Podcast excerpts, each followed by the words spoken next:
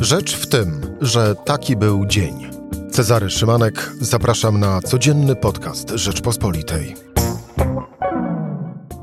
Środa, 15 września. Stawiamy na dialog, ale dialog musi gdzieś prowadzić, czyli Ursula von der Leyen, szefowa Komisji Europejskiej. Nie będzie polexitu, to natomiast Jarosław Kaczyński, a Polacy mówią fundusze i otwarte granice. To największe korzyści płynące z naszej obecności w Unii Europejskiej, co wynika z najnowszego sondażu dla Rzeczpospolitej. A jako, że nasza obecność w Unii jest albo podważana przez rządzących polityków, albo nadużywana przez rządzących polityków, spróbujmy wszystko podsumować, podliczyć i wytłumaczyć, w jakim miejscu jesteśmy. Eee, a spróbuję to zrobić w towarzystwie Anny Słojewskiej, naszej korespondentki w Brukseli. Rzecz w tym, że zapraszam Cezary Szymanek. Słuchaj na stronie podcasty.rp.pl. Włącz Rzecz w tym w serwisie streamingowym. I moim gościem Anna Słojewska, korespondentka Rzeczpospolitej w Brukseli. Aniu, dzień dobry. Dzień dobry. Na początek, zanim e, oficjalnie i wielkie tematy, to e, spróbujmy trochę poplotkować i zajrzyjmy w kuluary Brukseli. E, mają już dosyć Polski urzędnicy? Dobre pytanie. Nie, no chyba, wiesz, wydaje mi się, że to jednak tutaj troszkę inaczej działa. No, Polska nie jest jedynym krajem z problemami, choć oczywiście z takimi problemami, no to jesteśmy dość wyjątkowi, może jeszcze Węgry mogą się z nami równać. Um, może nie tyle mają dosyć, ile chyba doszli do wniosku, że, um, że trzeba innymi metodami y, działać, bo te dotychczasowe nie, nie przyniosły żadnych efektów i no i próbują to robić po prostu. Już nie tylko rozmawiać, nie tylko przekonywać, nie tylko apelować do e, sumienia, ale też e, no, trochę pieniędzmi pomachać. A jak odbierane są na przykład takie słowa jak posła e, Marka Suskiego o brukselskiej okupacji, o ile w ogóle docierają do Brukseli? Tak, no to to trzeba powiedzieć, że oczywiście taka bardzo, powiedzmy, eurosceptyczna, czy, czy, czy taka no, porównująca z nazistami, czy z komunistami retoryka, to nie jest coś absolutnie wyjątkowego. To się zdarza w Unii, ale rzeczywiście bardzo rzadko zdarza się rządzącym. Zazwyczaj się zdarza przedstawicielom takich bardzo e, eurosceptycznych partii opozycyjnych. Wyjątkiem, jest, wyjątkiem są wspomniane już Węgry. Orban niejednokrotnie porównywał, porównywał Brukselę z tym, że on nie porównywał do nazistów, on zazwyczaj porównywał do Moskwy i do e, reżimu e, komunistycznego, że to kiedyś nam wydawano polecenia w Moskwie, co mamy robić, a teraz nam próbuje wydawać Bruksela. My się oczywiście na taki dyktat nie zgodzimy, więc e, no to nie jest jakby tutaj takie kompletnie nowe. No nie mówi tego premier, mówi to oczywiście ważny polityk partii rządzącej, ale wydaje mi się, że to, no, to już nie jest jakieś zaskoczenie, nie budzi takiegoś zaskoczenia czy zdziwienia tutaj. Co, kto wie, czy nie jest to wiele gorsze, no bo jeżeli budzi tylko i wyłącznie pobłażanie, że ten typ tak ma, e, no to tym gorzej tak naprawdę dla nas. E, ale przejdźmy właśnie do e, już tego wymiernego stanu relacji Warszawa-Bruksela. Aniu, spróbujmy podsumować, ile my w tej chwili mamy otwartych frontów z Brukselą? Ile mamy otwartych frontów? Mamy otwarty front od dawna o praworządność, czyli generalnie to dotyczy przede wszystkim niezależności sądownictwa. Jako pierwszy był Trybunał Konstytucyjny, a potem przede wszystkim to była wojna o Sąd Najwyższy i jego Izbę Dyscyplinarną. I w tym samym, no jakby na tym samym froncie trzeba by y, dopisać e, te zabiegi wokół prymatu prawa Unii nad prawem krajowym, czy też jak chciałaby Polska, wręcz odwrotnie, prymatu prawa krajowego E, nad prawem unijnym to jest wszystko w takim szeroko pojętym sektorze wymiara, szeroko, szeroko pojętym wymiarze sprawiedliwości. E, drugi front y, to jest kwestia praw osób LGBT. E, chodzi przede wszystkim o uchwały niektórych e, władz lokalnych w Polsce, to dotyczy pięciu regionów konkretnie, e, albo to o strefach wolnych od ideologii LGBT, albo to uchwalających karty rodziny, które też zawierają takie elementy, które mogą budzić wątpliwości odnośnie, odnośnie do równych praw wszystkich osób, również ze względu na ich orientację seksualną no też jest y, lekko otwarty front y, y, kwestii wolności mediów, prawda? Czyli ten zamach na, na TVN. Tutaj Unia na razie się przygląda, jeszcze nie żadnych dział nie wytoczyła, zastanawia się, czy jest w stanie jakieś działa wytoczyć, to znaczy, czy ma jakieś konkretne instrumenty, czy to prawne, czy no, jakieś pozadyplomatyczne które, których mogłaby użyć, ale na razie to jest raczej nieoficjalnie, a oficjalnie to jest tylko nawoływanie i przekonywanie, jak ważna jest wolność mediów, jak potrzebne są niezależne, jak potrzebne jest społeczeństwu niezależne dziennikarstwo. Ja bym do tego dorzucił jeszcze front polityki klimatycznej.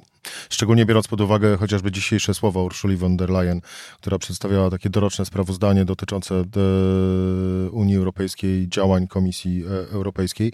No i tam klimat, e, nie oszukujmy się, stał na jednym z pierwszych miejsc.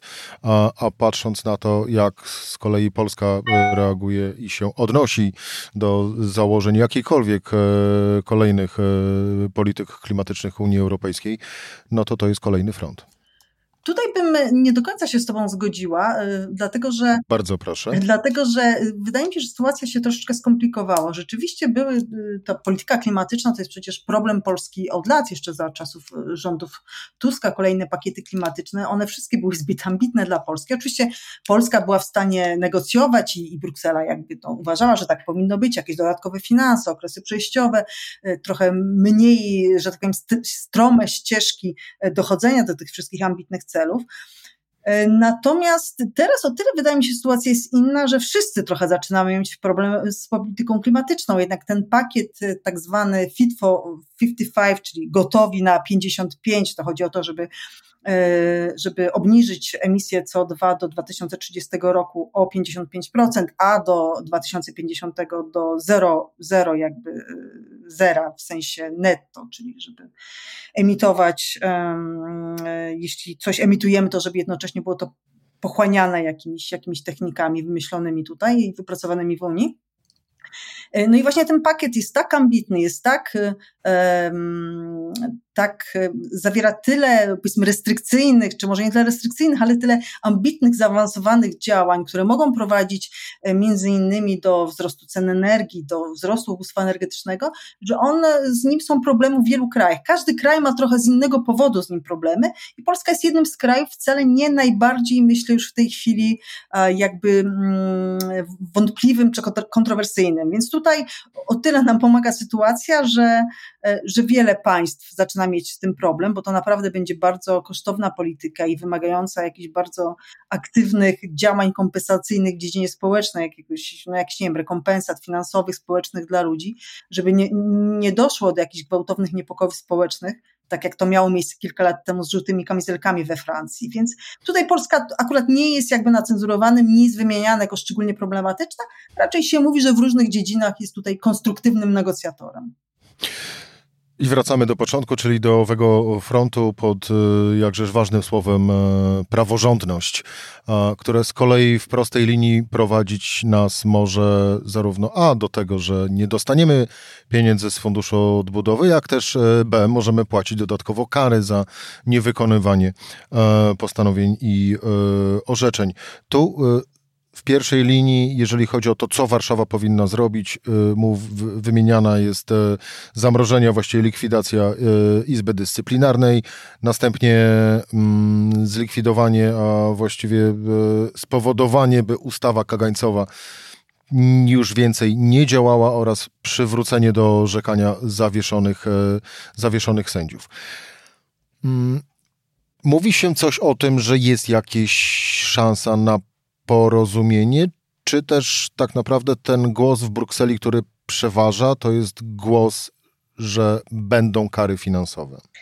E, to nie, jest duża nadzieja na to, że Polska e, jakby postawiona przed perspektywą e, kar finansowych, a też przed perspektywą wstrzymania środków z funduszu, gigantycznych środków z funduszu odbudowy po pandemii, że Polska jednak zmieni front i, i coś konkretnego i trochę szybciej zaproponuje, jeśli chodzi o Izbę Dyscyplinarną, dlatego że Polska, ja przypomnę, że Polska w odpowiedzi na list komisji y, pytający, jak Polska zamierza wykonać wyroki Trybunału Sprawiedliwości UE w Luksemburgu, powiedziała dość ogólnie, że zamierza zlikwidować e, Izbę Dyscyplinarną, ale jak, kiedy, w jaki sposób i, e, i co też ważne dla, dla komisji, czy wyroki już wydane, orzeczenia już wydane przez Izbę Dyscyplinarną, czy one zostaną cofnięte, czy nie, to tego nie sprecyzowała.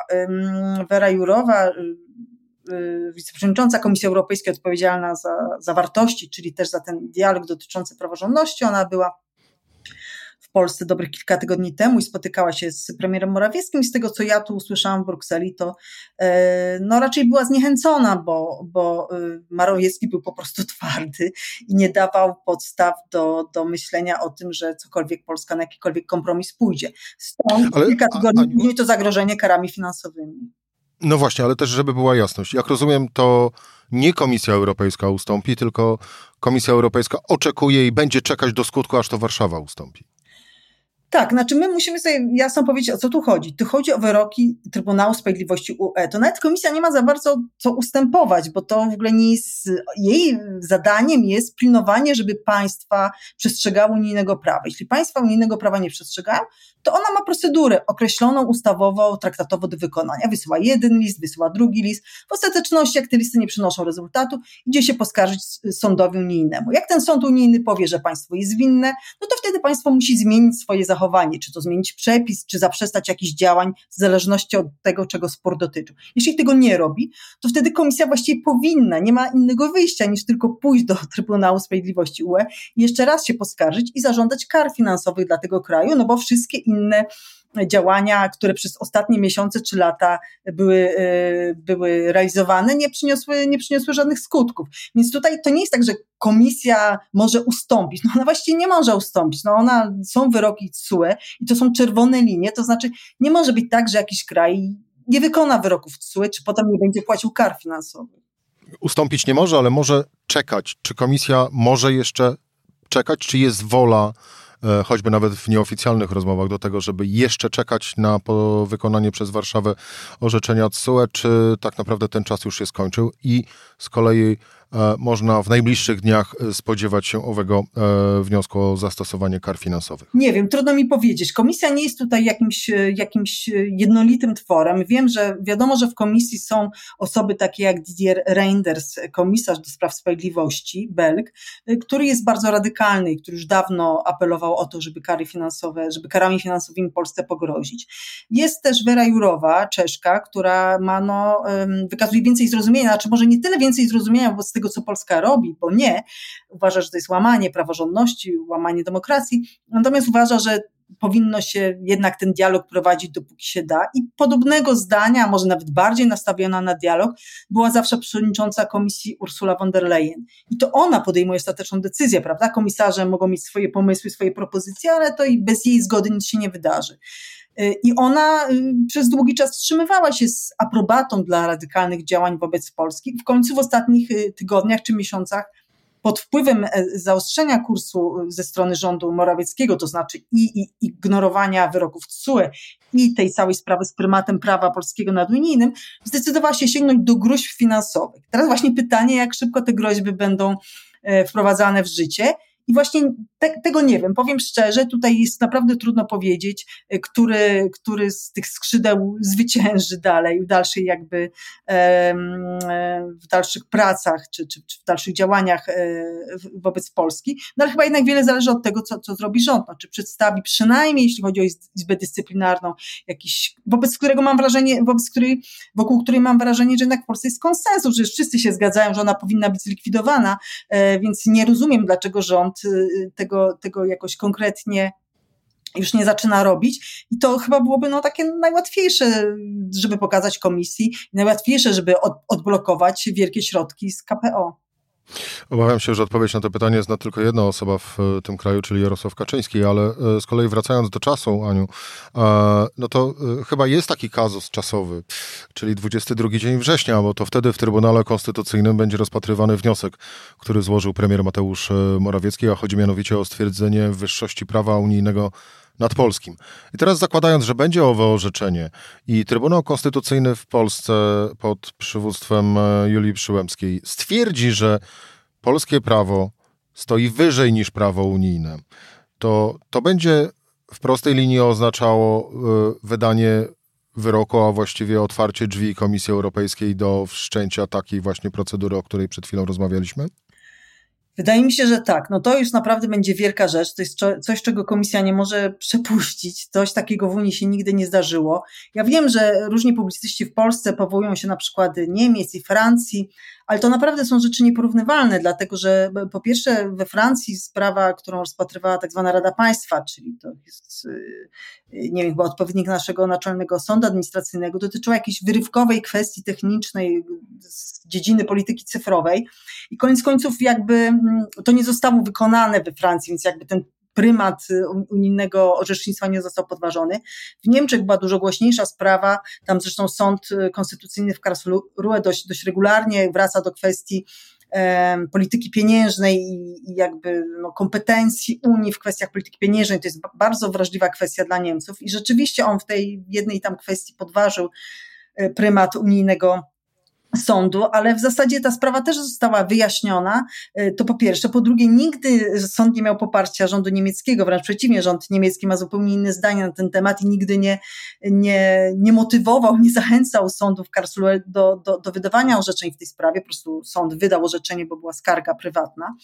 Y, I zresztą też Unia, Komisja Europejska, mimo że rząd niemiecki nie popiera sądu, to jednak wszczęła postępowanie y, przeciwko Niemcom o naruszeniu unijnego prawa, tylko na razie jest to ten pierwszy etap, to jeszcze nie jest skarga do unijnego sądu. Bruksela naprawdę bardzo boi się tego, że ten zły przykład z Polski mógłby e, podziałać na, na, in, na rządzących w innych krajach, którzy może też chętnie, e, no zawsze wiadomo, że są wszystkie rządy, nawet te najbardziej proeuropejskie, są kwestie, które może wolałyby, żeby unijny sąd e, wydawał inne orzeczenie, więc jeśli będzie sobie można tak wybrać i powiedzieć, że oto w tej dziedzinie to nam się podoba, to orzecznictwo unijne, a w innej nie, no to będzie de facto koniec Unii, więc wydaje mi się, że jeśli taki wyrok e, jasny by zapadł e, w polskim Trybunale Konstytucyjnym, no to Unia musiałaby tutaj rzeczywiście zacząć natychmiast działać. I działać e, finansowo.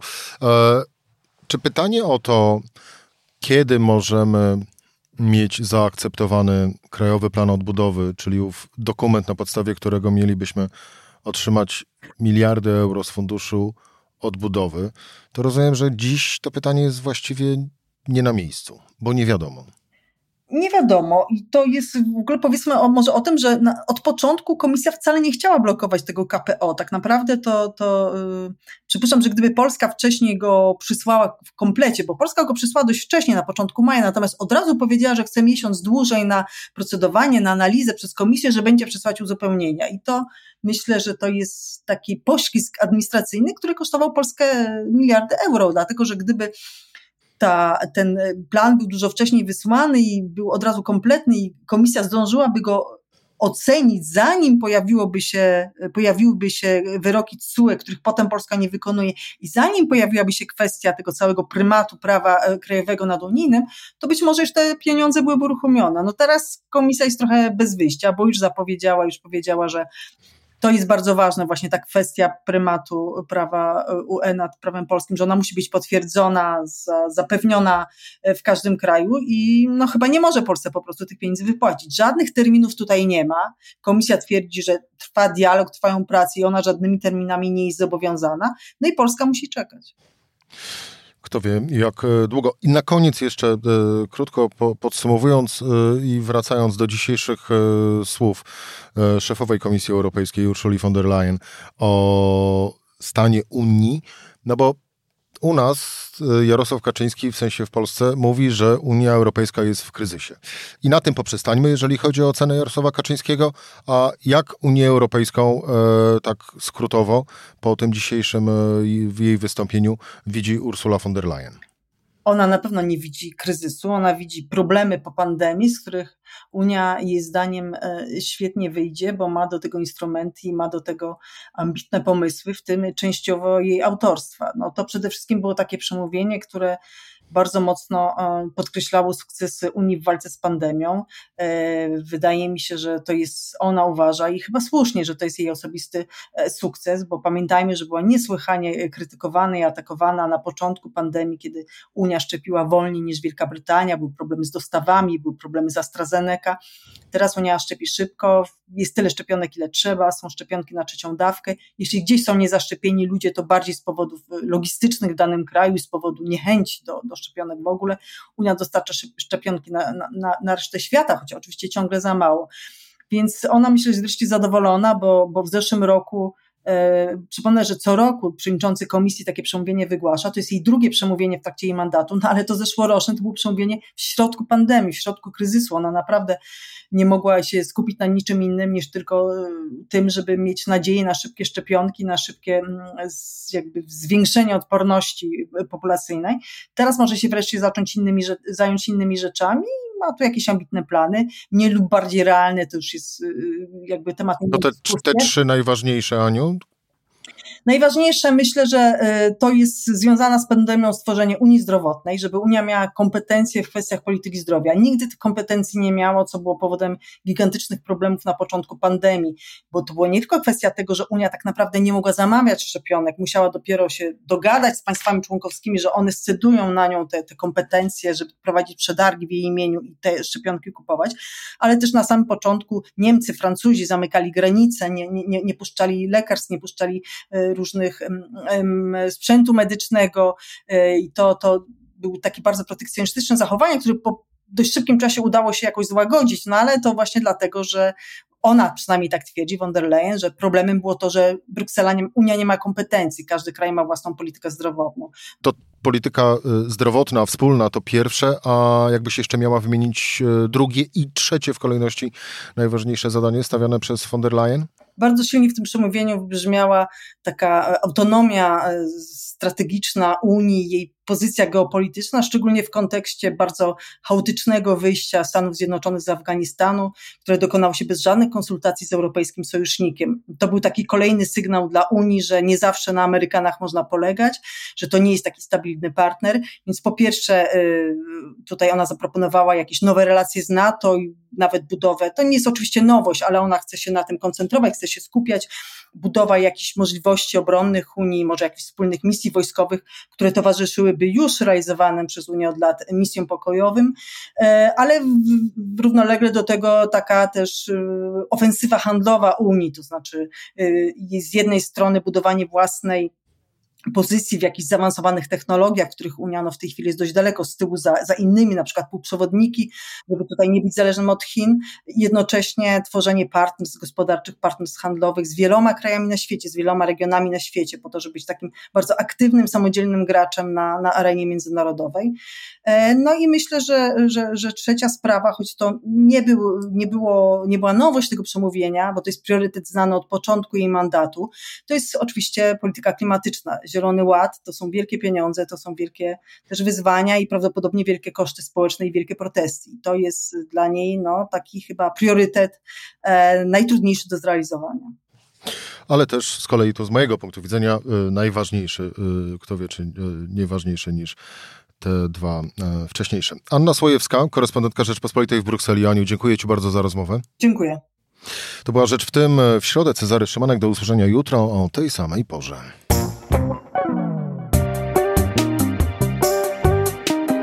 Rzecz w tym to codzienny program Rzeczpospolitej. Od poniedziałku do czwartku o godzinie 17. Słuchaj na stronie podcasty.rp.pl. Włącz Rzecz w tym w serwisie streamingowym.